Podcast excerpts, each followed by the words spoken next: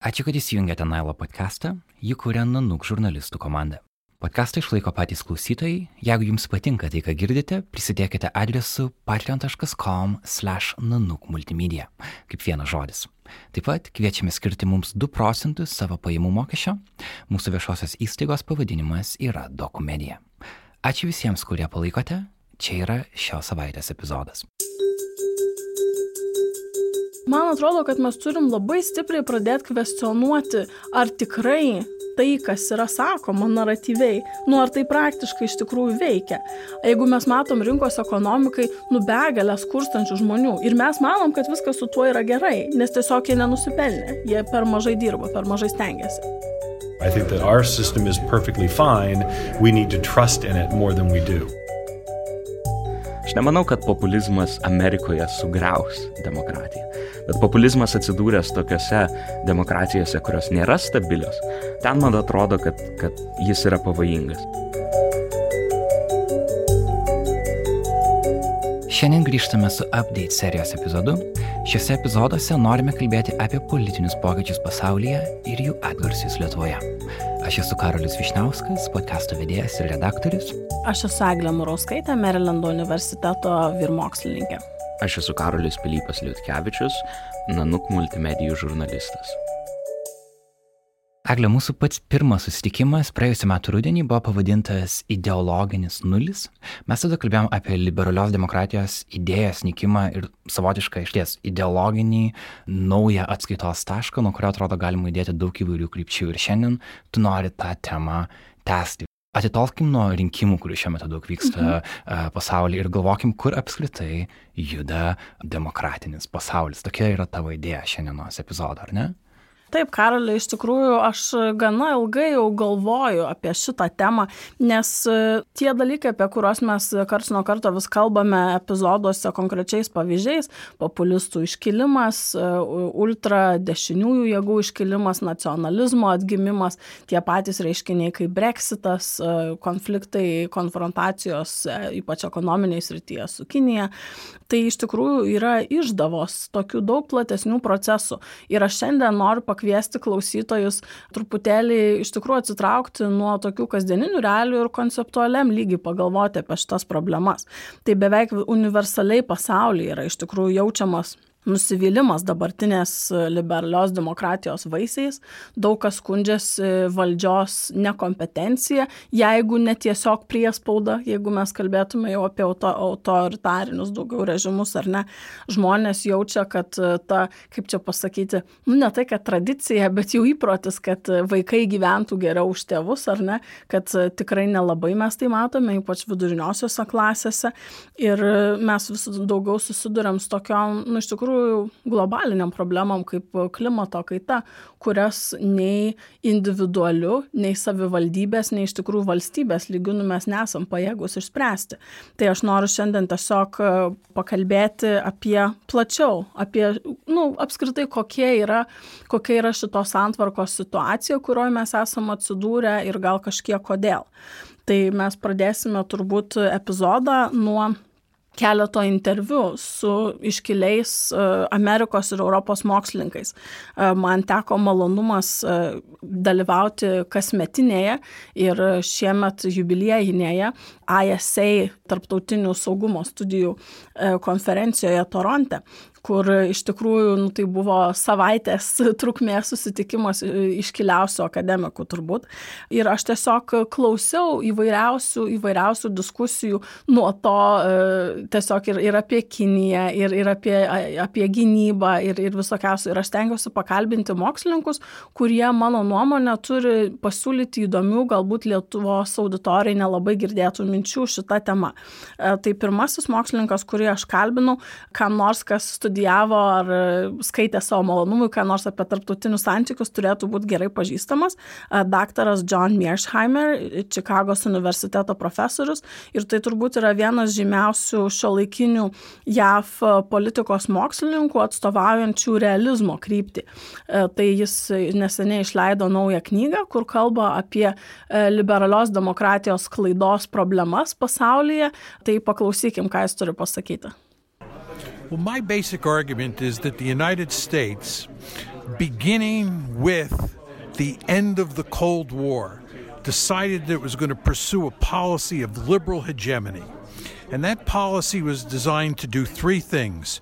Number one, spread liberal democracy all over the world, make every country on the planet a liberal democracy. Number two, create an open international economic order. In other words, get countries all over the world to become part of this capitalist order where there was a great deal of economic interdependence among all the countries in the world. And then, third, to get countries to join into international institutions because international institutions are really all about rules. And the idea was to make countries responsible stakeholders, to get them into these institutions so they would obey the rules. But this project, this attempt to, to spread liberal hegemony all over the world by the United States and its West European allies failed. And the most glaring example of its failure is its inability, the United States' inability to spread liberal democracy.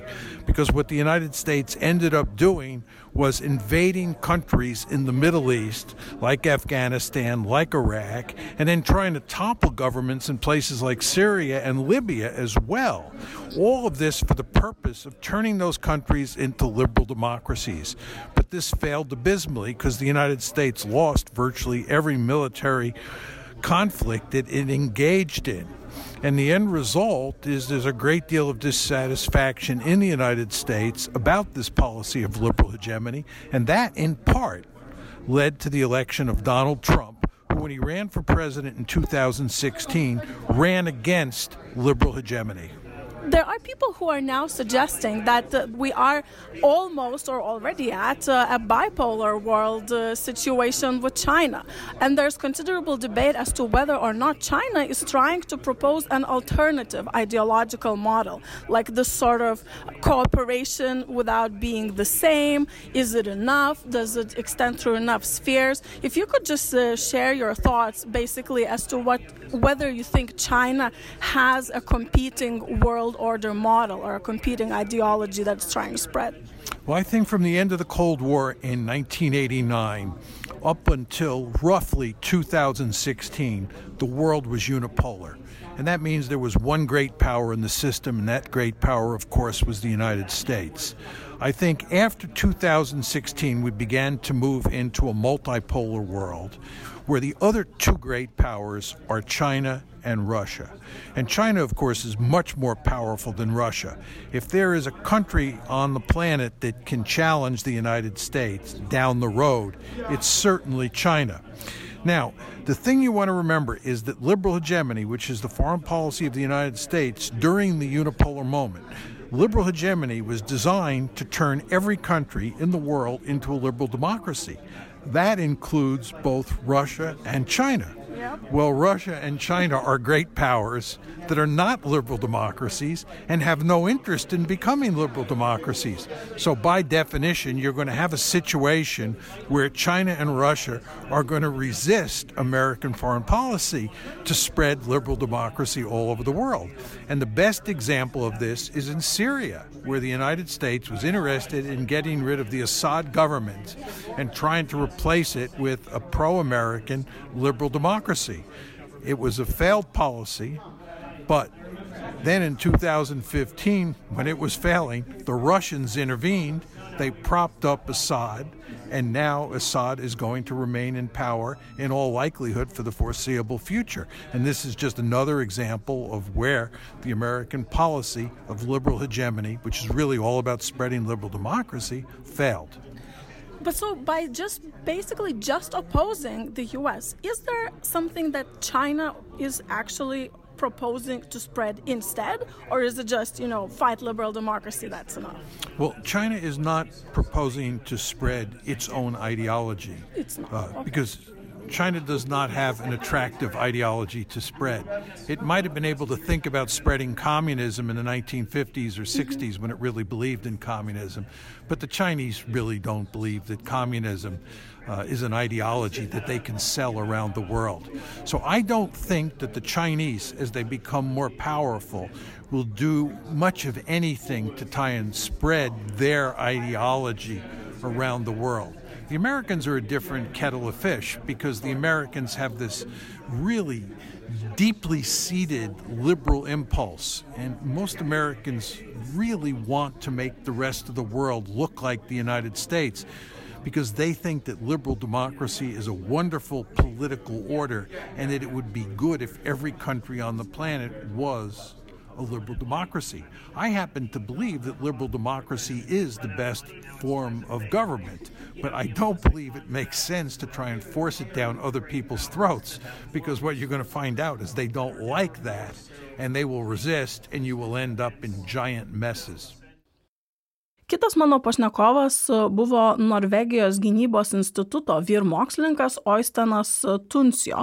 Ir jis siūlė iš tikrųjų gana įdomią konceptualią idėją, kaip galvoti apie dabartinę pasaulio santvarką. Tai dažnai politikos mokslo akademikų ratose yra ginčiamasi. Reiškia, jeigu, jeigu šaltojo karo laikais mes matėme e, dvipolę pasaulio santvarką, kai realiai iš tikrųjų buvo dvi supervalstybės ir tai santvarkai pasibaigus e, galbūt ar ginčijosi, ar tai dabar jau yra multigalios centrų, reiškia situacija, ar tai yra unipolarinė, tai reiškia, kad JAV yra vienintelė galios centras. Tai šitas mokslininkas sako, kad dabar Kinija yra pasiekusi tokį galios lygį, kad iš tikrųjų mes turime bipolarinę santvarką, bet labai skirtingą negu šaltojo karo metu. Yes, I think we have gone from a unipolar system with the United States as the only superpower to a new bipolar system where two states, the United States and China, are much more powerful than all the other states. And that defines a bipolar system. So, so we are at the starting point of this new bipolar system, and many are starting to recognize this, but nobody has really theorized how the rivalry between the United States and China will look like in the 21st century. So, you claim in your book uh, on this topic that this bipolarity is going to be a very different dynamic than the Cold War bipolarity we saw between the USSR and the US. Uh, and here I want to delve a little bit deeper into the ideological and conceptual arguments. Um, if we remember the Cold War, it was basically an ideological fight between communism uh, and the free market economy, and that encompassed both the economic value proposition and the political one. So, my question to you is with China rising uh, as a competitor to the US, to the West, to the so called international liberal world order, do you see a competing value proposition? either politically or economically, from China that it is trying to present to the world as a counteroffer? So there are many, as you pointed to, there are many differences between these two bipolar systems.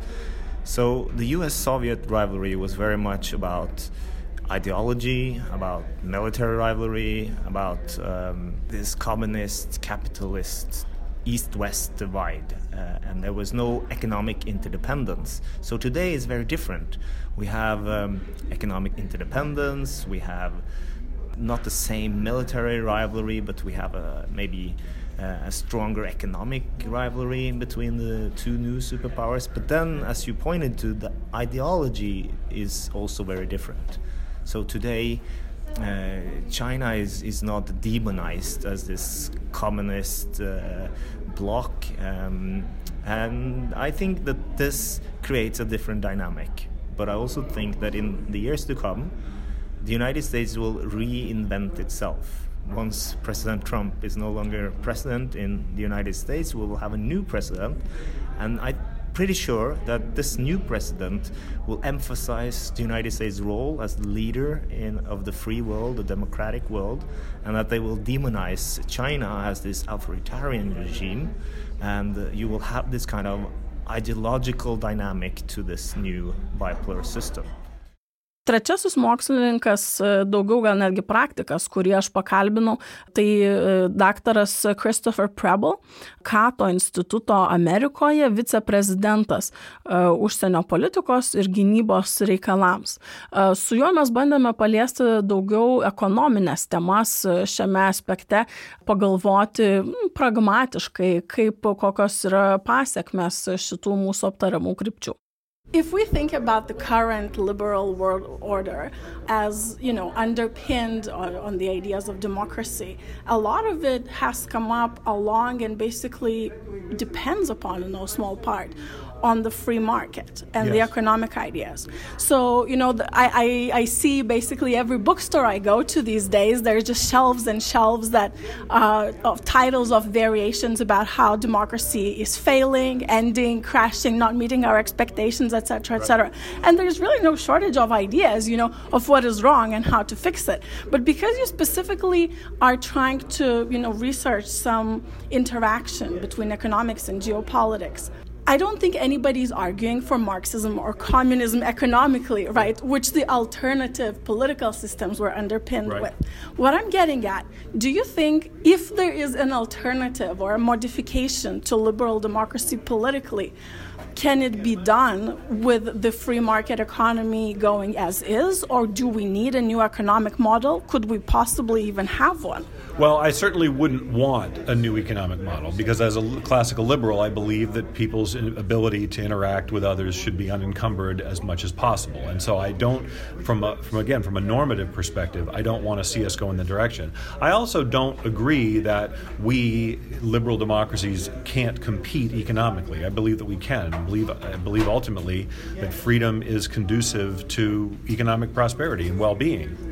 Um, so, for that reason, above all others, I don't really think we should believe that we have to make major modifications to our system in order to survive. I think the opposite is true. I think that our system is perfectly fine. We need to trust in it more than we do.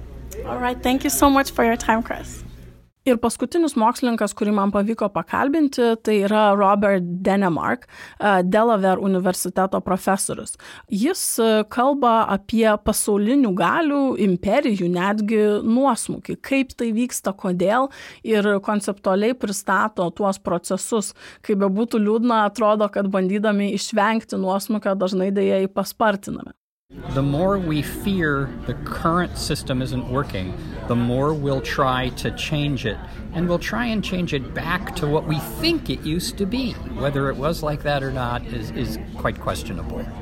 So, who do you think is the we in this case? Would you say it is the average citizen, as the Brexiteers and the Trump supporters tell us? Is it the political elite? Is it the business establishment? Who, who is doing this fearing and the hastening of the decline?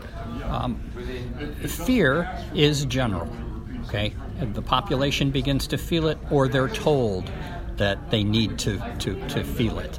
The people who react most harshly to it are people with high levels of self esteem. And that includes decision makers across, you know, in government and in other areas. They're the ones who, the psychologists tell us, take decline or fear of decline the hardest and want to retaliate. And uh, you talk about the measures that they take that are sort of counterproductive. Would you kindly summarize that very shortly for our listeners?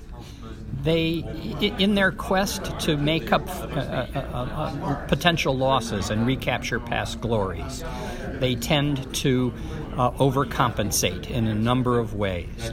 In group feelings increase, they begin to accept less and less information, they begin to over exaggerate their own abilities, they don't prepare as well for challenges as they might they tend to believe that the challenges they face are illegitimate, and so they even tend to use violence a bit more often in trying to solve their problems. And this is very popular.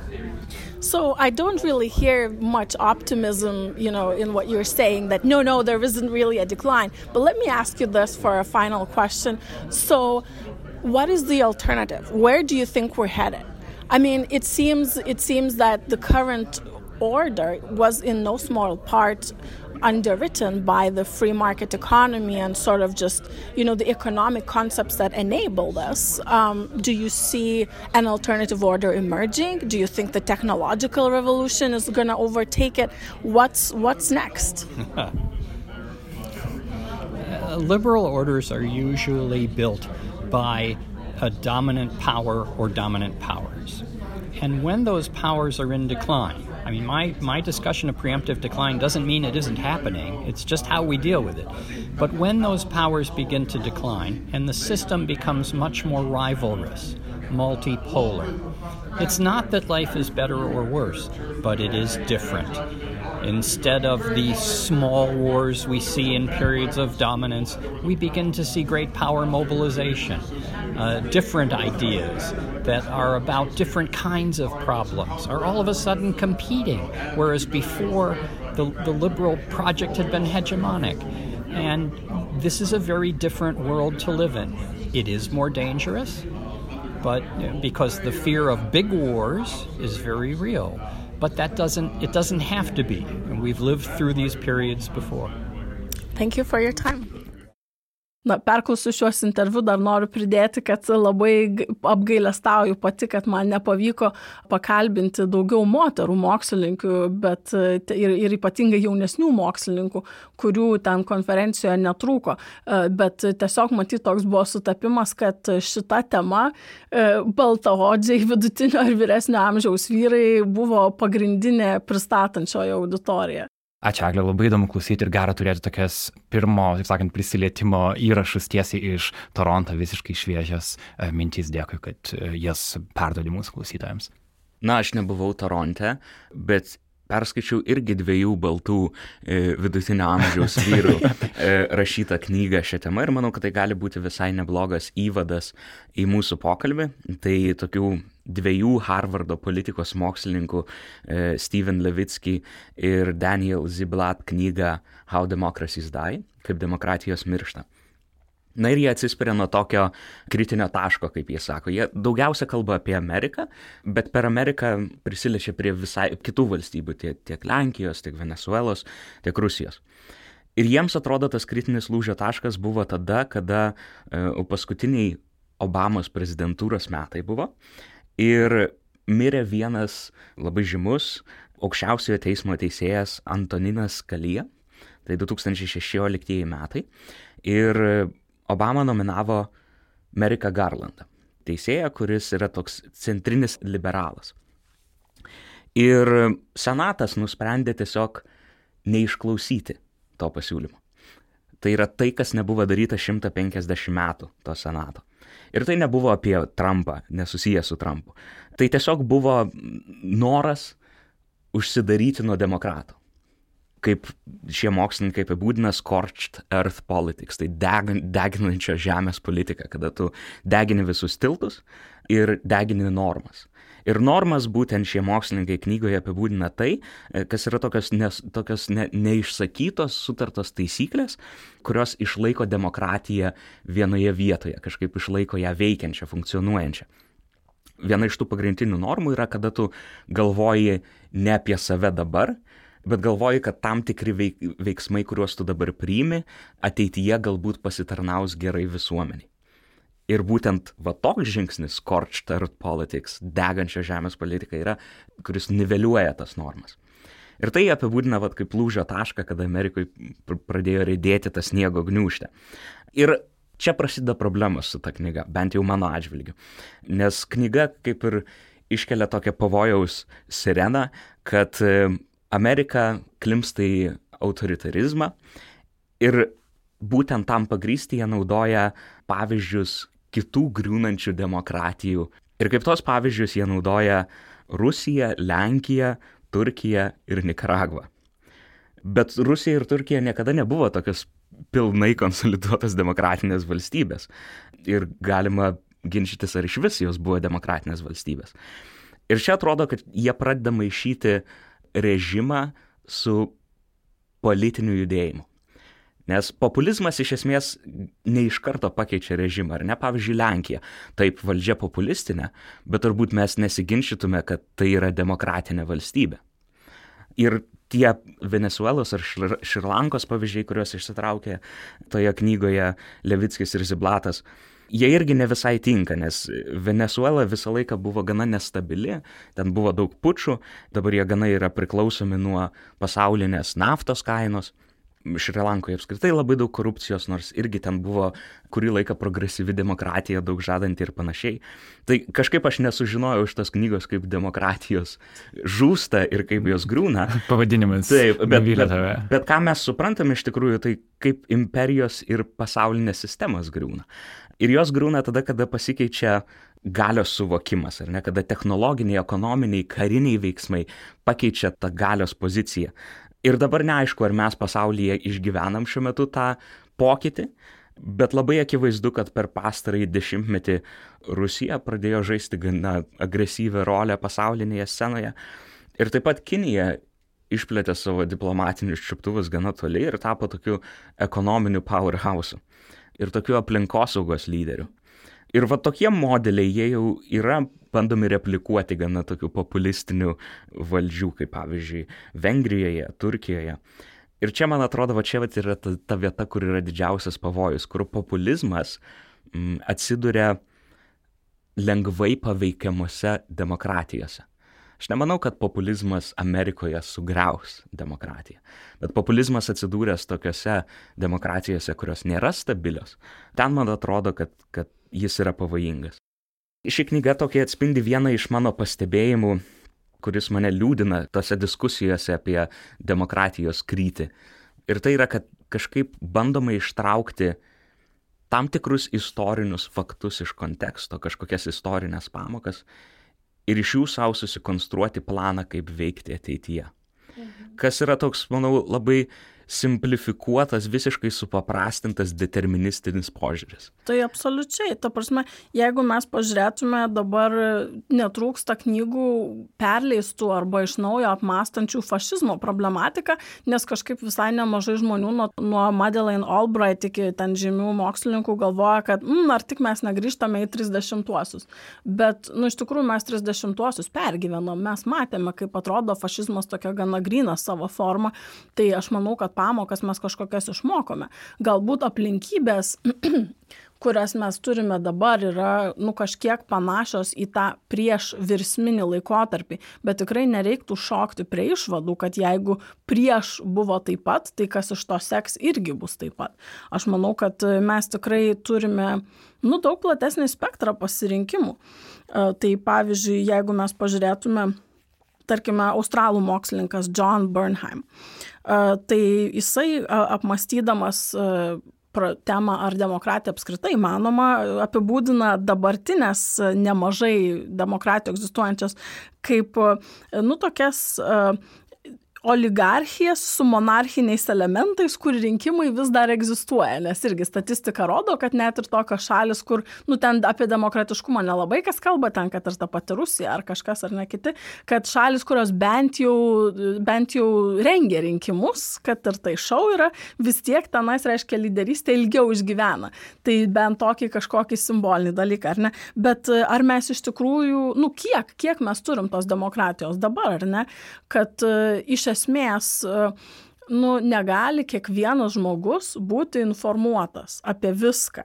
Ir, ir, ir tas pats Bernheim ir nemažai kitų mokslininkų nu, tiesiog sako, kad mes neišvengiamai e, atiduodame savo balsą per pigiai ta prasme mes nu nepakeliam tų kaštų kurie būtų reikalingi surinkti informaciją kad mes priimtume informuotą sprendimą ir tiesiog kas mums pasiūlo kažkokį tai supaprastintą sprendimą. Sakykim jeigu mes turime dešim dešim sričių pavadinkim ar ne nuo švietimo iki gynybos iki užsienio politikos ir ten sveikatos apsaugos. Ir sakykime mes esame informuoti apie vieną iš dešim sričių.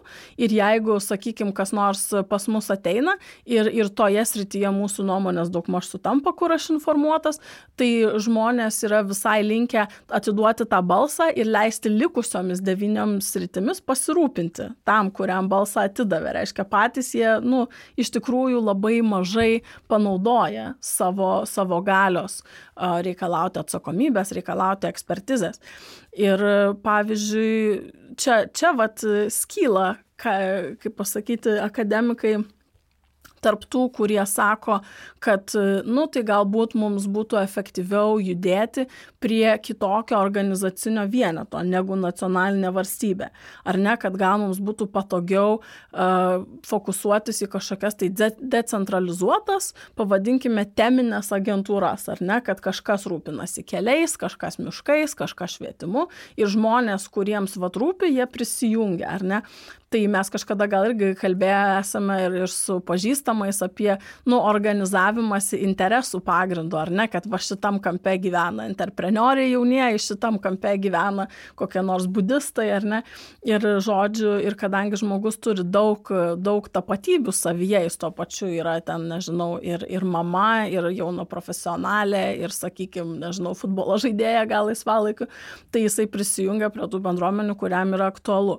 Ir, sakykime, kad e, tą savo poreikį priklausyti kažkokiai tai genčiai galima išreikšti nebūtinai per nacionalinę gentį, o reiškia ginčiamasi yra, kad, kad toksai decentralizavimas tiesiog e, vestų prie labiau informuotų sprendimų ir, ir tiesiog pagerėtų nuo to kokybę.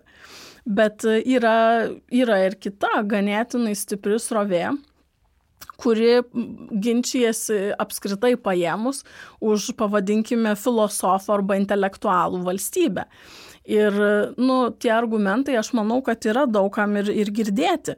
Nuo, nuo tokių pasiūlymų, kad kodėlgi mums, pavyzdžiui, ne, nepadarius privalomo egzamino, kad jeigu tu, jo, jo, jeigu tu jo neišlaikėjai, tai tu negali balsuoti. Kiti siūlo padaryti privalomą egzaminą kandidatavimui, kad mes neturėtume kai kurių žmonių, nu, kurie būtų neinformuoti apie tam tikras politikas, už kurias yra atsakingi, kad jie negalėtų kandidatuoti yra, yra siūlymai netgi daryti rotaciniu principu skirstyti balsus, kad, sakykime, šiais metais balsuoja šita savivaldybė, kitais metais kita savivaldybė. Arba net ir daryti sesijas egzaminų, kad tiesiog pakelti bendrą susidomėjimo lygį. Kad jeigu tu darai egzaminą kažkokį, nu, ar užsienio politiką, sakykime, arba gynybą prieš rinkimus ir ten ypatingai gerai išlaikiusiems, sakykime, nuo kokių 90 procentų siūlai piniginį atlygį. Tai net jeigu tai ir neturi kažkokio tai tiesioginio poveikio nei jų balso teisai, nei kam, bet tas piniginė motivacija reiškia paskatintų žmonės labiau pasidomėti.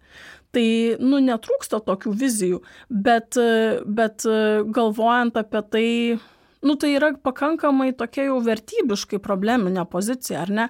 Jeigu mes galvojam apie, pavyzdžiui, kokį nors Davido Runsimano irgi apie demokratiją mąstančio mokslininko siūlymą, vat epistokratija, viena iš tų filosofų valstybės formų nu, žmonės, uh, nu, nenori, kad jiems kas nors sakytų, kad tu esi per durnas priimti sprendimus. Ta prasme, jeigu manęs kas nors pasaky, paprašytų, kad, nu, va, čia mes dabar balsuosim, gal ką nors galėtumėt patarti krepšinio lygai, kaip čia strategija, kokį čia trenerį geresnį parinkti, nu, žiūrėčiau aš juos dilemą, kaip nieko negaliu pasakyti. Bet jeigu tai yra pagrindas, kuriuo tu dabar ateisi ir sakysi, žinai, madam, man atrodo, jūsų intelektas netraukia čia šiek tiek tai, nu, tai yra kažkaip asmeniška ir, ir ganėtinai nemalonu. Tai jeigu tas rytis, kuriuose žmonės taip jau nutinka, kad gal yra mažiau informuoti, yra ar užsienio politika, ar švietimas, nu, tai ar mes turime teisę vadinti juos kažkokiais tai menkesniais, nevertais išreikšti savo balsą. Tai pavyzdžiui, man patiko interviu su Sikorskiu vieną skaičiau, kad e, jisai sako meritokratinėje sistemoje, nu, kur mes gal įsivaizduotume, kad dabar gyvenam, kad, e, kad žmonės, kurie vat, yra mažiau gabus ir, sakykime, negauna su tuo susijęto kažkokio atlygio ar finansinio, jeigu negali kilti karjeroje, ar balsavimo teisės ar kažko, e, tai, nu, jie pasijunta asmeniškai įžeisti ir, ir ten ieško kažkokios tai tada antitapatybės, ar tai būtų tiesiog jau krypimas į fizinės jėgos panaudojimą ar į kažką, nes, sakykime, jis kalba, kad autoritarinėse vietose arba tiesiog kur, nu, mažiau, mažiau tau yra suteikiama to sprendimo laisvės, taip neprasikiša tie, tie trūkumai, tu gali kaltinti sistemą, kad aš neturėjau galimybės ir taip toliau, ar ne? Bet, nu, turint omeny, kiek daug žmonių apie tai kalba, ar ne, kad, nu, sakykime, tikrai pakelkite ranką iš serijos, kieno giminės, pažįstami draugai ar šiaip nesate dalyvavę pokalbį, kas sako, nu, valdžia tai vieni durniai ir vagiai, dar vagiai. Bet klausimas, ar dabar apie tai kalbama daugiau negu seniau, ar pavyzdžiui, akademiniai bendruomeniai, demokratijos tokios kitokios formos, ar tai tapo tema lyginant, pavyzdžiui, mhm. 10-15 metų atgal? Mano nuomonė tai tapo. Ir ne tiek, ne vien tik tai toj, vadinkime, grinojoje akademijoje, kur mes kalbam apie mokslinius žurnalus ir ten, sakykime, ginčius kažkokius, tai, bet tokioje net pavadinkime į populiaresnę literatūrą einančioje, ar ne, kad, nu, kaip mes matom, pavyzdžiui, daugybę literatūros apie ekonomiką, ar ne tenais, kaip pradėti savo verslą ir taip toliau, aš matau vis daugiau žmonių iš politikos mokslo ir tarptautinių santykių, kurie va taip, va į publiką orientuotojų literatūroje imasi nagrinėti, tai kur mes čia atsidūrėm ir, ir kur mes turėtume eiti toliau. Bet atrodo, kad visi pasiūlymai, kuriuos tu pasakai, jie turi tam tikrą elitizmo momentą. Taip, dalis taip. visuomenės grupė, grupė, kuri laiko save labiau verta balso, tarsi nori atimti taip. balsavimo teisę iš dalies žmonių, kurie neva yra nesusipratėliai mhm. ir blogai balsuoja. Nu, žinai, iš tikrųjų, aš manau, kad čia yra, nu, toks e, ganėtinai kontroversiškas klausimas, būtent todėl, kad jeigu tu žiūri grinai į, sakykime, efektyvumo rodiklį, rodiklius, ar ne, kad e, yra begalė literatūros, kuris sako iš tikrųjų, kad mažiau žmonių ateitų balsuoti, tai visiems būtų nuo to geriau. Nes tie, kurie ateis, jie bus pasiskaitę ir jie, ta prasme, aš neturiu omeny, kad apskritai, kad jie bus apsiskaitę, bet kad jie ateis balsuoti už labai konkrečias kažkokias tai temas, ar ne? Ir kad tai mums nereikia, mums nereikia, kad daug ateitų. Bet iš kitos pusės, jeigu tu apskritai galvoji, tai kaip tie žmonės prieina prie to žinojimo, tai reiškia, jie gimė šeimoje, kuri turėjo pinigų leisti juos į mokyklą, kuriems nereikėjo dirbti, vietoj, kad išlaikytų ar ne save ar šeimą, kurie turėjo pinigų eiti į gerą universitetą. Iš esmės, domėjimas politika Ta. turbūt yra tam tikra irgi privilegija. Ne kiekvienas gali savo leisti skirti laiko, Taip. pasidomėti, už ką aš balsuosiu šioje savo savivaldybėje. Taip. Ar, ar Taip. kuris iš šių penkių prezidento kandidatų yra geriausias ir lyginti programas ir panašiai. Turbūt ne kiekvienas gali tai daryti. Puikiai su tuo sutinku, bet taip pat manau, kad dabar tą dar sudėtingiau daryti negu anksčiau. Yra vienas filmas, kuriame aš radau daugiau atsakymų negu toje knygoje, kurioje pradžioje kalbėjau. Yra toks Adam Curtis e, dokumentinis filmas Hypernormalization. O taip. Mhm. Hipernormalizacija. Ir ten faktiškai jisai kalba apie tai, kad mes gyvename keistais laikais, kad supervalstybės, supergalios nebeturi galimybės e, kažkaip diktuoti ateities aiškiai, e, kažkaip bandyti išaiškinti išskirtinius įvykius ir panašiai. Ir iš esmės tas filmas pasakojo panašias mintis, e, kurias jau Naomi Klein su šoko doktrina yra apipasakojusi ten prieš dešimt metų jau. Bet la, labai įdomiai uždeda kirčius apie tai ne tai, kaip politika pasikeitė, bet kaip pasikeitė mūsų mąstymas apie politiką. Kas man atrodo yra, yra svarbus aspektas. Ir yra tokia įdomi istorija, kurią pats Adam Kartis kažkada pasakoja. Jis, jis turi tokią keistą fascinaciją, tokią personą Vladislavu Surkovu. E, Vladislavas Surkovas yra vienas iš Putino patarėjų ir 15 metų padėjo Putinui išlaikyti galę. Jis beras vienas tų ideologų didelių greta Putino, ar ne? Taip, bet jis atėjo iš avangardinio meno pasaulio. Ir tie, kas studijavo su Surkovu, sako, kad jis puikiai importavo konceptinio meno idėjas į politiką. Nes jo tikslas yra pakeisti tavo percepciją taip, kad tu nebesuprastum, kas vyksta. Ir kai jisai įsiliejo į Rusijos politiką, jis pradėjo daryti visiškas nesąmonės. Jis vienu metu sponsoriavo neonacijų grupės ir žmogaus teisų grupės. Kūrė visišką chaosą. Ir netgi, netgi padėjo partijoms, kurios buvo prieš Putiną. Bet raktas, kodėl jis viską tą darė, tam, kad žmonės nebesuprastų, kas yra tiesa ir kas nėra tiesa.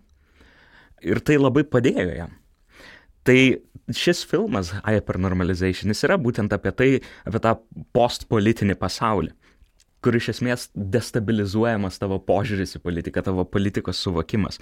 Nes iki šiol tas klasikinis visuomenės valdymo mechanizmas, man atrodo, Naomo Čiomskio buvo gerai aprašytas manufacturing consent, mhm. kur maždaug kalbėjo, kad taip visa žiniasklaida jie kartais e, net patys nesuvokdami, sa savicenzūros pagalba padeda išlaikyti status quo ir visi masto gana panašiai. Bet dabar viskas pasikeitė iki tokio lygio, kad iš esmės mases išlaikyti žemiau elito padeda tai, kad masės nesusivokia, kas vyksta. Vienintelis dalykas, ką masės gali pasakyti, kaip Adam kartais sako, yra audyr. Arba kaip Eglė sako, visi vagis, e, visi banditai.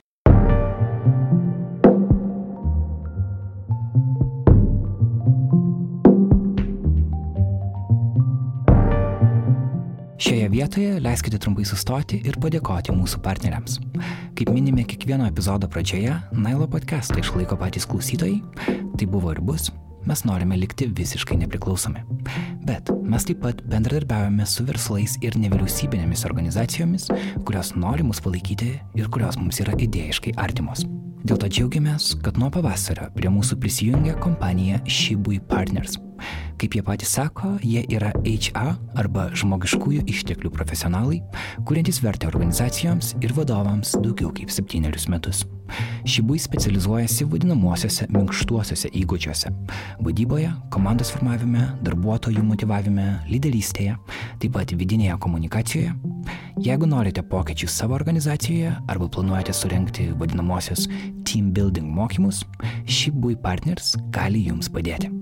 Visą informaciją raskite adresu šibui.lt. Pirmas raidės yra SH. O dabar grįžtame į studiją.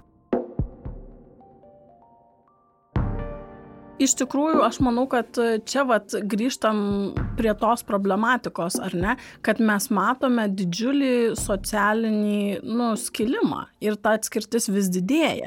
Ir, ir žmonės, pavadinkime, kurie yra nepasiturintys ar šiaip nepritekliuje gyvenantys ar susiduria su sveikatos problemam ar ne, jie, sakykime, lieka vis toliau ir toliau nuo to vadinamojo elito. Bet kas yra įdomiausia, kad vat, ta literatūra, apie kurią aš kalbu, tai atrodo, kad piktinamasi yra būtent, kad valdžioje yra, pavadinkim, žmonės, kurie moka prieiti prie pinigų, o ne intelektualai, ar ne? Tai nėra greunama kažkokiu būdu, kad, nu, gal mažinkime elitizmą ar kažką tokio. Yra iš esmės ginčiamasi, kad sukurkime elitizmą tik kitų pagrindų. Tai va čia, man atrodo, yra iš tikrųjų mhm. labai įdomu. Ir, ir tas, vat, kaip sakyti, tos mintis, kad galbūt valstybės reikia, nu, nebūtina kurti valstybę nacionaliniu pagrindu. Nu, aš įsivaizduoju, kad tai skamba žiauriai kontroversiškai ir praktiškai, bet mes toj pakalbėsim e, tiesiog iš praktinių perspektyvų, kodėl. Bet e, čia galėtų, kaip čia pasakyti, pamažinant vienetą organizacinį, tai galėtų būti vienas iš būdų tą apeiti. Aišku, mes nežinom, niekada žmonių atrodo, kad polinkis kažkaip, pavadinkim, hierarchiškai grupuotis turbūt yra įgimtas. Ir sakykime, jeigu tu paimsi šimtą žmonių, kur yra, nežinau, penki išsilavinę ar ne, tai jeigu tu juos atskirsi į vieną grupelę, gal jie tada susigrupuos pagal tai, kieno akis mėlyniausios. Nu, nu tu niekad negali žinoti. Bet, bet bent jau, sakykime, vienas iš tokių va struktūrinių pokyčių dalykų galėtų būti toks. Bet, nu, pagrindinis tam kaip ir kliūtis kaip ir tas pats Noam Chomsky irgi sako, yra ekonomika. Tai kaip jūs už tai sumokėsit, ar ne?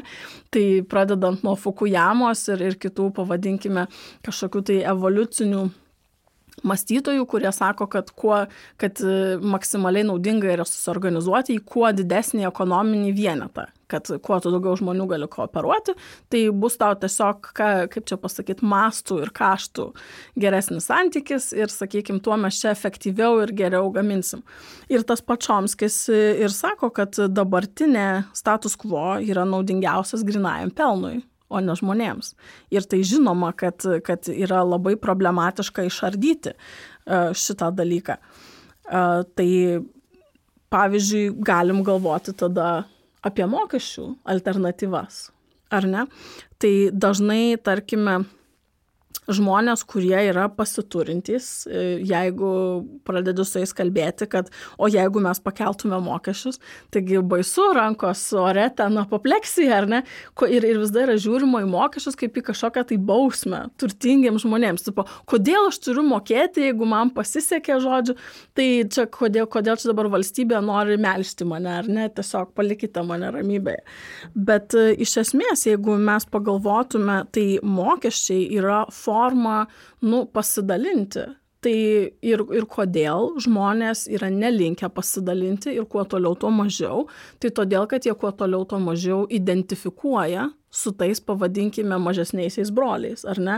Jie, at, nu, kažkaip mes, man atrodo, irgi esame jau kalbėję per kitus epizodus, kad dažnas požiūris yra, kad jeigu tau nesiseka, tai yra, jeigu tu neturi pinigų arba sveikatos arba dar kažko, tai, nu, čia tavo problema, tu kažkur sufeilinai liberalios demokratijos individualizmo tas tu gali viską, ką nori. Va čia yra ta juodoji pusė, kad reiškia, jeigu nesi ten, kur tau patinka, reiškia, tu per mažai stengiasi.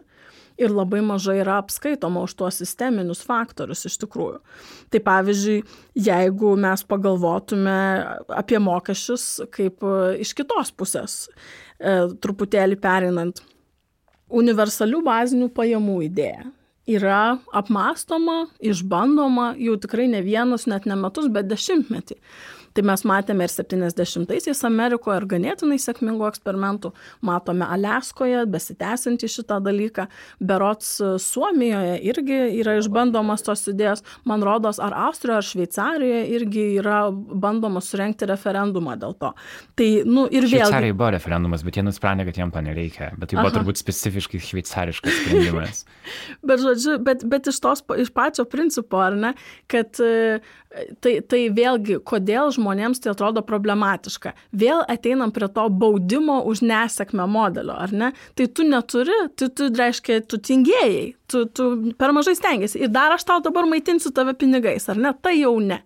Tai jeigu mes, o jeigu aš taip galvoju, jeigu mes prie to prieitume kaip labdaros, beveik visi, kurie yra, nu, labai pasiturinti žmonės, ten, nu, nežinau, nuo Geitsų iki Masko, iki Zuckerbergo, nu, visi turi kažkokį, pavadinkime, kozą, kurią mėgsta ten aukoti, ar šuniukam, ar Afrikos vaikam, ar ten dar kažkam. O jeigu pabandyti tose, vat vėl grįžtant, mažesniuose vienetuose organizaciniuose, e, taip daryti, kad žmonės e, savanoriškai remtų kažkokius ar, ar kitus žmonės, ar kažkokį tai kozą, kur būtų, nu, sakykime, tau priskirta. Ar tai nebūtų maloniau? Nes jeigu mes susidurėme su ta problema, kad mes negalim išardyti labai didelio vieneto, nes ekonomiškai tai yra problemiška ir nebus kam remti pensininkų, jeigu taip jau trumpai, ar ne? Jeigu mes tos vienetus suskaidytume mažesnėmis grupėmis, kurios stipriau identifikuoja viena su kita, tai vienas dalykas atrodo būtų mažiau problemiška, ta pagalba, savipagalba.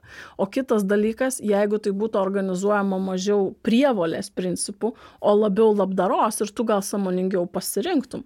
Galbūt tai būtų vienas iš kelių. Tu tarsi kalbi apie Universal Basic Income, bet tokį ne visiems, o tik tai um, tiems dalykams, kurie tau asmeniškai patinka, jeigu aš teisingai suprantu, bet tada žinai gaunasi, kad štai šuniukų prieglauda gaus daug žmonių, kurie norės jai mhm. uh, duoti savo pinigus, bet galbūt kokie nors nakvynės namai nesulauks tiek daug, žinai, dėmesio, nes tai nėra tokia miela vieta būti, žinai, o dėl to visuomeniai, čia ir bent jau aš Universal Basic Income suprantu kaip tiesiog jeigu tu jau esi žmogus šioje žemėje, šioje visuomenėje, tu nusipelniai tam tikro pragyvenimo lygio vien dėl to, kad tu esi, nes pasaulis, pasaulyje pakanka mhm. resursų, kad tu galėtum neskursti. Iš esmės, tai yra, kaip aš tą dalyką suprantu, žinai. Ir, bet kaip tai na, kaip, kaip tai padaryti, e, to, jeigu mes renkamės, kad, aha, tu gauni pinigus, bet tu negauni, tada tai, tai, tai nelabai ko skiriasi nuo dabartinės, pavyzdžiui, filantropijos, kad irgi yra tam tikri, žinai, mhm. dalykai, kur žmonės investuoja ir kiti, kuriuos neinvestuoja. Mhm. E, aš tai turbūt galvoju apie, aš tiesiog galvoju apie tai, kaip pavadinkime dvi, dvi, two track dalyką, paralelinius dalykus, ar ne? Taip, universal basic income, tos bazinės universalios pajamos, tai ir yra tas dalykas, kad taip, visiems, nepriklausomai nuo nieko. Aš tiesiog kalbu apie tai, kad žmonės, kurie turėtų, sakykime, finansinių išteklių tą finansuoti, nes nu valstybė tai nėra, valstybės biudžetas nėra kažkoks tai abstraktus vienetas pats savaime, tai yra ką tu surinki iš mokesčių mokesčių, ar ne? Tai aš tiesiog kalbu, kad didysis pasipriešinimas tam, vad, baziniams pajamoms yra, kad tai yra tarsi kažkokia tai bausmė ir lupikavimas nuo žmonių, kuriems, reiškia, pasisekė geriau. Ir aš tiesiog galvoju, kad jeigu, sakykime, e, tie, nu, pavadinkime, e, jeigu tu labiau galėtum susipažinti, kur eina tavo pinigai, gal tau būtų mažiau skaudėtų ir gal būtų lengviau parduoti tą idėją. Tai jokių būdų aš manau, kad su Universal Basic Income tai jos ir turėtų būti Universal. Bet jeigu tu galėtum žinoti, kad va, turėmi šitą savivaldybę, turėmi kitą ir taip toliau, tai man atrodo, gal tai būtų mažiau problemiška. Ir plus kitu paraleliniu keliu galvojant, jeigu tie vienetai, pagal kuriuos yra skirstomos pajamos, surenkami mokesčiai, būtų mažesni ir tau kažkaip artimesni, irgi gal mažiau tau skaudėtų. Tai čia tik apie tai ir tai yra, nu, grinai teoriniai ja. pamastymai. Aš manau, kad ekonomistų tikrai netrūksta, kurie sutrintų tai į miltus kitų pagrindų kokiu nors. Dažnai, kur aš matau problemą, tu kalbinė apie filmą Hypernormalization ir ten ir buvo kalbėta apie tai, kad atrodo, kad ta būsena, kurioje visuomenė dabar yra, tokios, vien taip, pažiūrėk, ką mes čia kalbam, idėjas, e, jos netrodo kažkaip e, visi kažkokios labai radikalios, bent jau šitam kambarį būnant. Bet aš nežinau, ar dabar kas nors šiais laikais iš vis radikaliai skamba. Žiūrėk, bet, bet, kai per, bet kai tu perkeli tai dabartinę politinę realybę, pavyzdžiui, Lietuvoje, tarkim, artėja prezidento rinkimai ir, ir pavyzdžiui, pasirinkimas, kurį žmonės turi iš esmės mm, yra, pavyzdžiui, tarp šimonytės ir nausėdos, kurie iš esmės savo ideologija galbūt, ar ne, yra labai panašiai mąstantys žmonės. Tu tiesiog renkiesi dėl kažkokių mažų niuansų, kodėl to vienas ar kitas labiau patinka. Aš čia kalbu apie tos žmonės, kurie, sakykime, nebulsuotų ir skverdelį galbūt, ar ne. E, bet e, apie ką kalbėjo Adam Curtis, to filmo režisierius, kad to kažkokie radikalesni pokyčiai visuomenė, pavyzdžiui, kai buvo su Occupy Wall Street idėja, kai buvo su ten arabų pavasariu, kai buvo, pavyzdžiui, socialinių medijų atsiradimu ir tikėjimu, kad dabar kažkaip žmonės perims informaciją saužiniai, kad visą tai galiausiai niekur nenuvedė. Ir, ir ta ekonominė sistema, kad mes dabar net dėl tokių elementarių dalykų kaip mokesčių kažkoks sąžiningesnis paskirstimas, net dėl to nėra susitariama. Tai atrodo, kad e, žmonės iš principo yra nusivylę, kad kažkas gali būti kitaip, kad, poli, kad jie nebalsuoja dėl to, kad jie nemato iš esmės didelio skirtumo. Galbūt žmonės nematys didelio skirtumo tarp ten grybauskaitės ir, pavyzdžiui, tarkim, šimonytės, nes iš esmės politiškai tai nėra kažkoks radikalus pokytis į kažkur kitur. Ir, žmonė, ir jeigu mes galvojame, kad politika yra tokių klausimų, apie kuriuos šiandien mes kalbame, sprendimas, um, tai dažniausiai politika tas nevyksta. Dažniausiai būna tos pačios krypties laikymasi su trupučiu mažais kažkokiais pavažiavimais į šoną. Ir žmonėms tas dažniausiai asmeninio kažkokio gyvenimo tai radikaliai, na, nekeičia. Tai yra gal padidėja kažkiek ten minimalus atlyginimas, pavyzdžiui, bet, bet esmingai tai nekeičia dalykų. Dėl to labai įdomu stebėti Šiaurės Karoliną. Būtent Šiaurės Karolinos valstija toj knygoje How Democracies Die apibūdina kaip labai įdomią valstiją, e, dėl to, kad taip jinai truputėlį yra turtingesnė už kitas pietų e, valstijas Amerikoje, bet jinai yra visiškas toks kersinis pjūvis dabartinės Amerikos e, visuomenės pagal tuos mokslininkus iš Harvardo. Dėl to, kad ten vos ne pusė per pusę yra respublikonai ir demokratai. Ir jie įstrigę tokiam klinčią. Jie, jie, prasme, jie jau nebekalba apie elitą labai dažnai, jie tiesiog pešasi tarpusavyje. Kas yra ir hypernormalization filmo vienas iš pabrėžiamų dalykų, kad ta nauja sukurta situacija, tas fluksas, uh, jis yra toks, kur, kur tiesiog visuomenė yra neutralizuojama, nes jinai pešasi tarpusavyje, jinai yra labai polarizuota, jinai la, yra labai giliai įsikasusi apkasus ir nebemato, kas yra už tų apkasų, nebemato uh, to, kas ten gali gauti žinai, vieną procentą visų, visų, visų pasaulio pajamų ir taip toliau.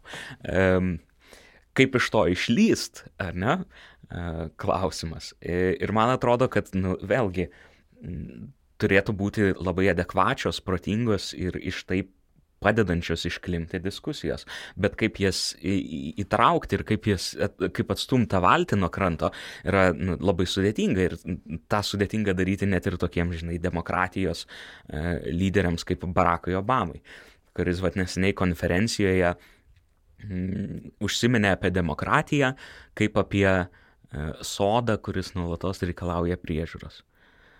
Ir tai yra tokia irgi labai simplifikacija didelė, bet kiek aš pastebėjau, tai daug tų e, demokratinių lyderių iš praeito dešimtmečio, jie labai aptakiai kalba apie, apie tai, kaip išsaugoti demokratiją, kaip ją tvirtinti.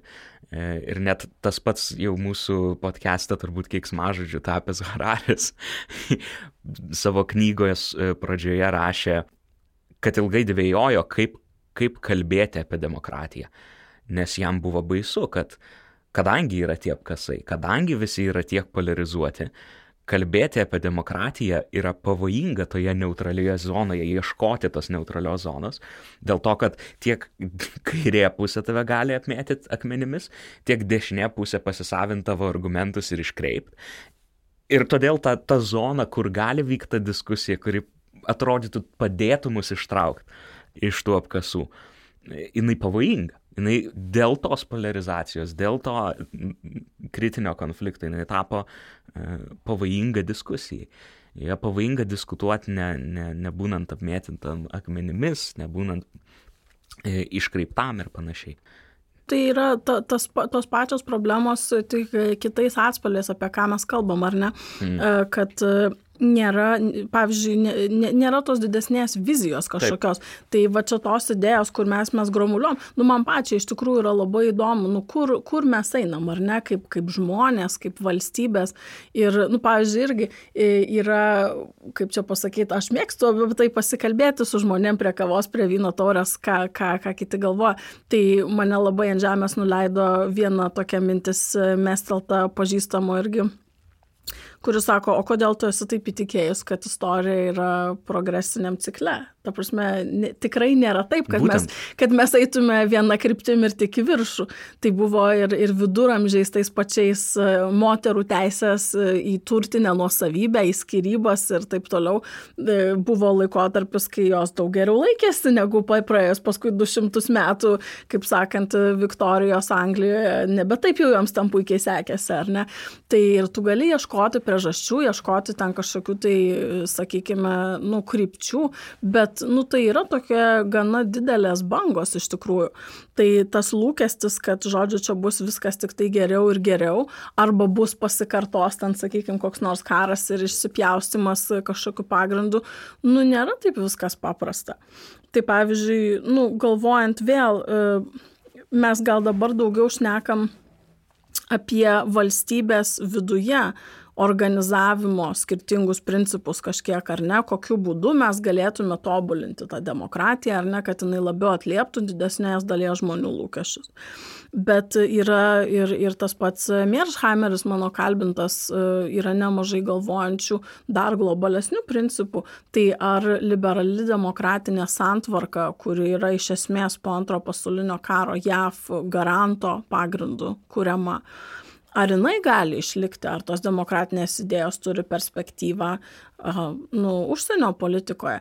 Tai ir vėlgi, ką kalbėjau apie viduje, tai nemažai yra manančių, kad tai yra nu, tiesiog tokia, kaip čia pasakyti, patogi iliuzija, kad iš tikrųjų nei balsavimai tenais nelabai taip vyksta proporcingai ir, ir čia nu, yra daugiau naratyvas kalbėti, kad tai yra demokratija, o iš tikrųjų gal ne visai taip.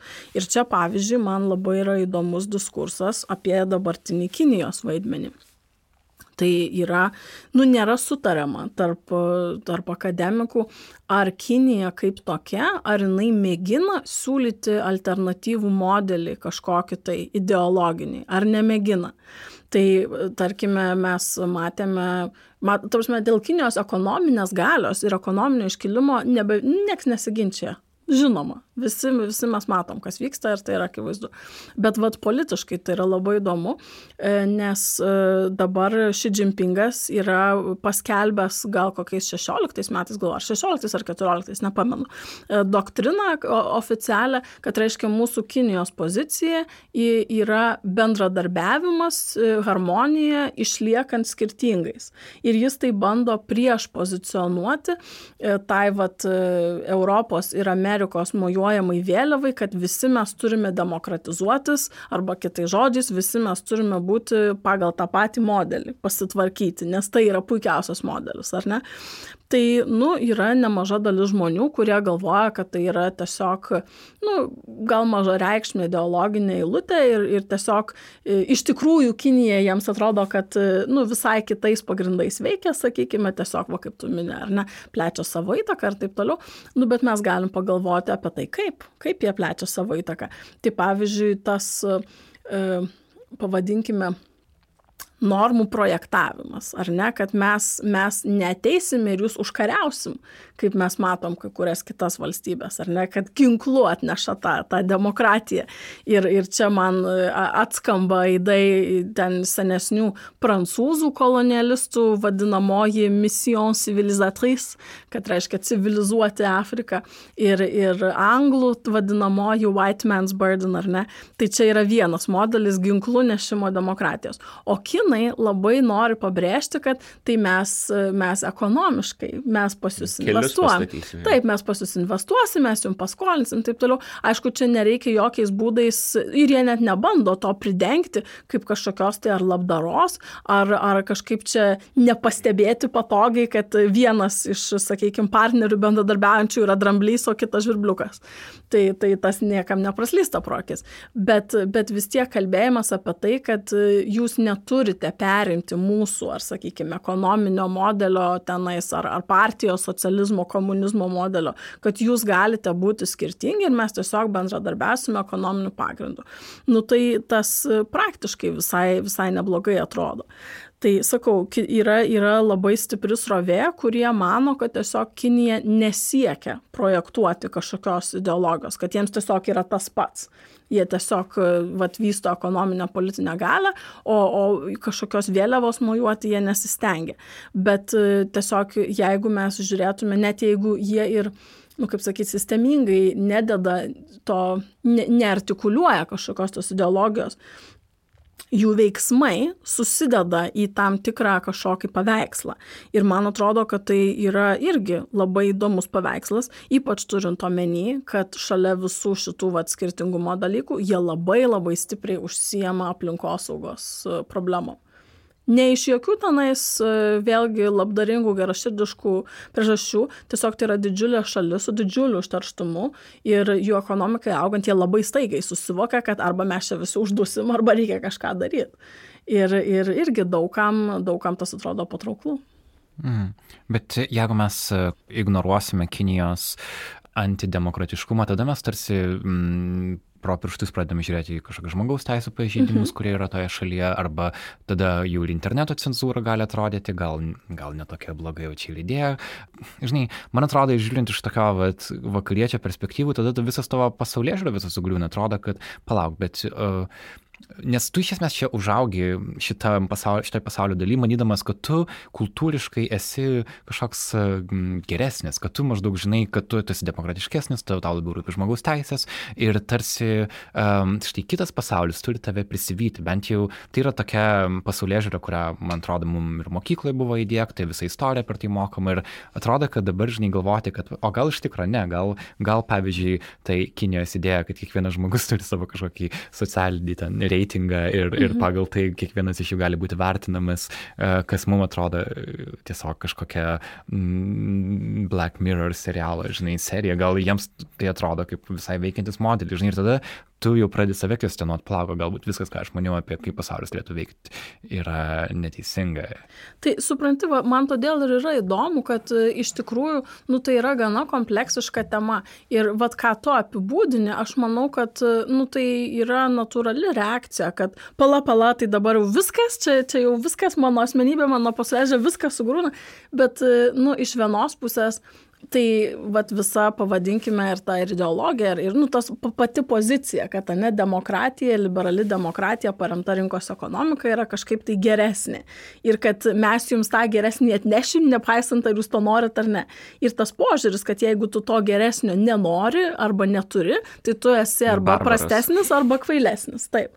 Ir, ir tai, nu, tai yra tam tikra supremacizmo forma. Tokia tai, per, per kultūrą. Taip, taip, taip, taip, taip. Tai žinai, tai aš jokių būdų niekada neteisinsiu Kinijos žmogaus teisų pažeidimų ar ten valstybės kontrolės ar interneto. Bet mes trupučiuką dekonstruokim šitą dalyką, ar ne? Tai ar tau atrodo, pavyzdžiui, kad, nu, kokie nors vengrai Orbano, kurie vidurinį pirštą pabėgėliams atkiša, tau atrodo, kad jie labai rūpi, žmogaus teisės jiems labai rūpi. Ta prasme, žmonės, kurie eina ir, nežinau, e, Amerikoje ultradešinieji įvažiuoja su, su sunkvežimiu į minę, arba, nu, tarsi, nu, mes galim prieškoti pavyzdžių įvairiausių. To, nu, žmogaus teisės yra toksai, nu, slidus konceptas, pasakykime, ar ne? Tai man atrodo, kad tiesiog čia kur yra esmė. Jau kaip sakant, linkstant prie, prie šerdies šitos problemos, kad tai yra vertybiniai dalykai. Vienas, ir, ir, ir čia mes matom kelis. Vienas dalykas, nu kas mes tikim, kas mums yra svarbu individualiai ir kokie yra naratyvai tai supantis. Tai pavyzdžiui, vienas iš tokių stipresnių, mano nuomonė, naratyvų siūlomų liberalios demokratijos ir va šiaip mūsų visuomenės, kad tu esi svarbus kaip individas, nu, realiai tu esi svarbiausias. Ne, ne šeima, ne valstybė, bet tu. E, jeigu tu būsi protingas ir sunkiai dirbsi, tu uždirbsi pinigų, uždirbti pinigų yra gerai ir tau ekonomiškai klestėti, būti efektyviam irgi yra geriausias būdas, ar ne? Tai iš esmės kodėl apskritai mes prakalbame apie Kiniją, nes pasirodo, kad nepaisant politinės santvarkos ir reiškia naratyvų, kurie ateina su tuo apie tai, kas yra gerai, e, ar, ar, ar žmogus pirmas, ar šeima, ar kokia valstybė yra gerai, klestėti tu vis tiek gali tai tada jeigu tu žiūri tam savo, žinai, vakarietišką modelį ar ne, nu jeigu, jeigu aš gimiau, kad man pasisektų ar ne, kad aš nugalėčiau ir tau staiga ateina kinė ir sako, važiuok, visai tu gali nugalėti. Ir, ir nu, tai tada tu pradedi galvoti, okei, okay, nu tai šitas kaip ir, kaip ir vienetas patenkintas, kokiu būdu aš reitinguoju kitus dalykus. Aha, norėčiau, sakykime, saviraiškos laisvės, ar ne? Nu ir ką tai reiškia, ir kur yra ribos, ar ne? Ar, ar yra problematiška, kad aš negaliu, sakykime, nežinau, ten kritikuoti ES arba pasisakyti už nacius? Ar, ar čia riboja mane pakankamai ar nepakankamai? Ar yra blogiau, kad aš negaliu kritikuoti ES, ar, ar kad aš negaliu kritikuoti valdančiosios partijos, vad kaip Kinė, ar ne. Nu ir tuos dalykus pasverti yra ganėtinai sunku. Ir man atrodo, kad kai mes pasirašom, vat, po tuo pavadinkim visą apimančių naratyvų liberali demokratija paremta rinkos ekonomika. Tai mes darom panašiai kaip va tas balsuotojas, apie kurį aš kalbėjau epizodo pradžioje, ar ne, kur tau parduoda vieną pamatinę vertybę ir tu pasirašai po devyniom kitom kad būtų visas dešimtinis paketas tavo. Nes tas naratyvas yra kažkoks, nu, komfortiškas, sakykime, jungtukas prisijungti prie bendruomenės. Bet man atrodo, kad mes turim labai stipriai pradėti kvestionuoti, ar tikrai tai, kas yra sakoma naratyviai, nu ar tai praktiškai iš tikrųjų veikia. Jeigu mes matom rinkos ekonomikai, nu begalę skurstančių žmonių ir mes manom, kad viskas su tuo yra gerai, nes tiesiog jie nenusipelnė, jie per mažai dirba, per mažai stengiasi. Ir mes jaučiam kažkokį aktyvų antagonizmą, nes jie tai yra kitokie tai nu ar nėra problema su tuo kaip ta rinkos ekonomika laisvoji ir tos pačios žmogaus teisės kaip jos formuoja požiūrį į individą į silpnesnį ar ne jeigu mes sakom valstybė religija turi būtinai būt atskirta ar ne bet nu kur mūsų tada ta valstybė palieka kažkokį tai, nežinau, nu, užuo atjautą, sakykime, ar, ar, nu, kaip jinai kalba apie mūsų santyki. Ir tada, nu, mes tiesiog galim užduoti klausimą, ar ne, kiek ta bendruomenė, kuriai mes norim priklausyti, ar tai būtų valstybė, kaiminystė, bažnyčia, jūsų jogos studija, jūsų, nežinau, savivaldybė, kiek jūs norėtumėt, kad jinai būtų morališkai preskriptyvi. Kai ateina veryga į valdžią ir sako, žinai, gal jūs negerkit ir va yra mechanizmas, tai visi labai pasišiaušia kai kai sako nu ir kas kad yra kanapės negalit jūs jų rūkyt irgi labai visi pasišiaušia. Kai cigarečių reklamą uždeda pasišiaušia ar ne? Jeigu sako va yra dviračiai ir sportuokit nu gal mažiau pasišiaušia gal visai ir gerai. Jeigu uždaro eismą kai maratoną bėga ne taip gerai. Tai nu jeigu mes apskritai galvojam nu va valstybė ar ten sakykim bendruomenė ar savivaldybė turėtų vat skatinti sveiką gyvenseną ten kažkaip tai sandraugą labai viskas faina. Kai ateina į praktinį įgyvendinimą to ir tau pradeda tą moralinį preskriptyvumą dėti per va tokias labai apčiuopiamas priemones nu susimąsto žmonės. Tai tada tai tada vat mes ir turim pagalvoti ant kiek mes norim to moralinio preskriptyvumo ir kiek mes jį prisileisim, ar ne? Galbūt dalis va šito viso liberalios demokratijos patogumo yra, kad tu tiesiog pasirašai po gražių vertybinių teiginių ir iš tavęs iš tikrųjų labai mažai reikalaujama, kad tu praktiškai kažką darytum ir ta, tau mažai yra kišama kas. Tai gal, gal čia yra dalis to, kodėl, nu, pridėjus, aišku, ekonominius, ekonominius interesus, kodėl vis dar stovi ta pilis aš galvoju apie tai, kaip vienas iš tavo kalbintų pranešėjų pačioje pradžioje minėjo apie tai, kad dabartinės liberalios demokratijos problemos eina iš to, kad mes jos turime per mažai, kad mes per mažai pasitikim sistemą. Ir šis man sukelia tokį irgi tokį, palauk, palauk, bet ar tikrai, ar nėra taip, kad kaip tik mes turime per daug, gal gerai, mes neturime per daug demokratijos, bet mes turime per daug ekonominės laisvės, kurie pereina į ekonominę lygybę ir po pagimdo tap tos pačius klimato kaitos klausimus, taršą e, ir visa kita. Tai va įdomu, kaip jums atrodo, ar gal mes tiesiog užuot ieškoję kažkokių naujų sistemų, gal turime galvoti, kad tiesiog, kad daugiau žmonių ateitų į rinkimus, kad daugiau žmonės sąžiningiau mokėtų mokesčius, kad žmonės labiau pasitikėtų ten politikais ir ta prasme, kad e, mes tiesiog būkime geresni demokratai ir dėl to turėsim, gal mes jau turim žinai, tą geriausią, geriausią iš blogiausių sistemų ir tiesiog nepakankamai su ją uh, dirbame kaip visuomenė. Galbūt atsakymo nereikia ieškoti kažkur toliau, nereikia ieškoti Kinijoje, reikia tiesiog gerinti tai, ką mes turim. Už tai argumentavo vienas iš pranešėjų ir aš galvoju, ar jūs su tuo sutiktumėt. Aš kažkur, ta, kažkur esu su tavim. Uh, nes iš tikrųjų manau, kad demokratija uh, kurią, kurią mes turime. Ir vat nesiniai aš vėl pasižiūrėjau tokį projektą, e, multimedijų projektą seniai padarytą, kuris vadinasi The Fallen. E, ir tai yra toks interaktyvus projektas, kur labai gražiai, vizualiai detalizuojama na, kiek, kiek žmonių žuvo antro pasaulinio karo metais, tiek karių, tiek civilių. Ir po to, po, po visų tų skaičių, viskas išplečiama į kontekstą nuo, nuo Romos e, imperijos griūties iki dabar. Ir labai akivaizdu, e, kad na, pas, pastarai 30 metį buvo iš tikrųjų mažai tokių milžiniškų kataklizmų pasaulyje. Buvo mažai kažkokios, ka, ka, kažkokios milžiniškos žmonių prarasties.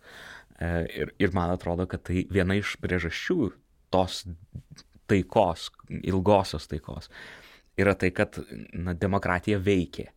Dabar taip, yra kažkokių kliučių e, ir kaip tas kliūtis spręsti, na tai aš manau, kad tikrai nežiūrint į praeitį deterministiniu žvilgsniu, ne, neieškant, ištraukiant iš konteksto kažkokių paprastų pamokų iš praeities. Kaip toks e, e, The Guardian e, istorikas, rašantis The Guardian, David Runciman pasakė, kad jeigu mes norime sužinoti, kaip demokratijos miršta, mes turim nustoti žiūrėti į e, vakarykštas dienas. E, turim kažkaip bandyti suvokti, susigaudyti e, tame, kas vyksta dabar, neieškant kažkokių pamokų, ištraukiant istorinius faktus iš konteksto. Tai irgi, kaip sakant, manau kad e, su šituo sisteminiu argumentu išsakyto Prebble, tai aš ne, nebūčiau linkusi sutikti. Iš tikrųjų, yra tiesos tame, ką tu sakai, kad aš nemanau, kad Kinijos siūlomas modelis būtinai yra geresnis. Bet e, aš manau, kad su sisteminiu šitų vat galvojimu yra viena esminė problema, kad mes turime sistemą, kuri sukurta atsakyti tam tikrą klausimą ar ne kaip mes galime kuo efektyviau pagaminti kuo geriau ar ne? Ir tai atsiriamia, nori, nenori, tai atsiriamia į vertybės, ką mes vertinam. Tai jeigu mes turėjom, nežinau, medžiotojų laikais e, atsakymą į klausimą, kaip mes galim užtikrinti, kad nenumirtų kuo daugiau žmonių, ar ne, tai reiškia medžiokim penkiom šeimom, o ne viena. Ir kai vienai nepasiseks, mes mamutą pasidalinsim jeigu ten, nežinau, viduramžiais turėjom atsakymą irgi, kaip, kaip čia padaryti, kad pamaitinti kuo daugiau populacijos. Nu tai užkariaukim biški žemų, va, pa, pa, pa, pafinansuokim kariuomenę ir viskas bus gerai.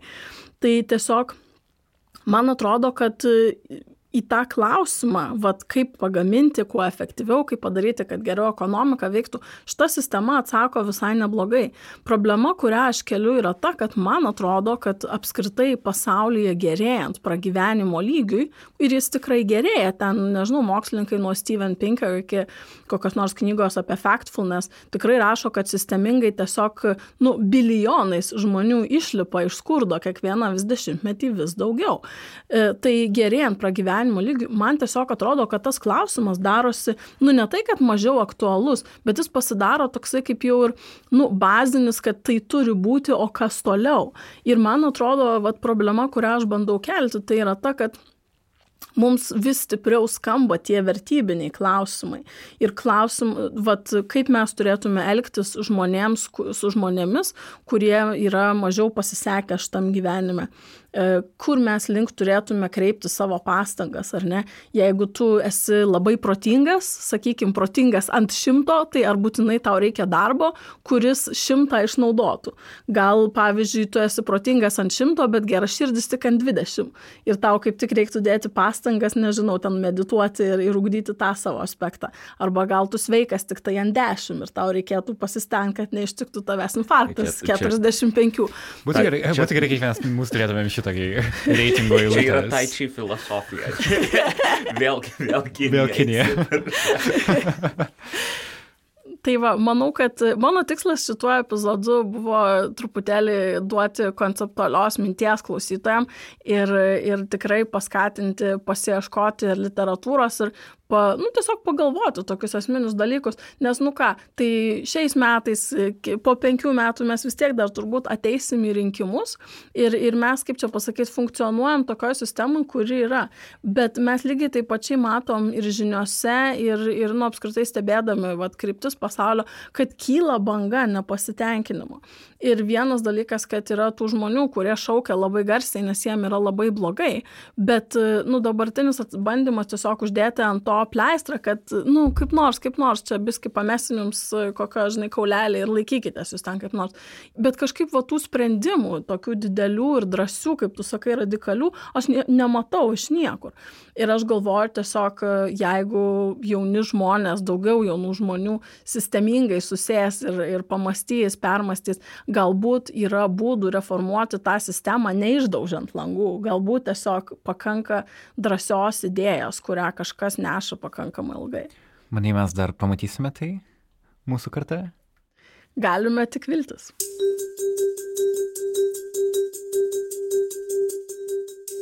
Ačiū, Eglė. Ačiū, Karolai. Ačiū.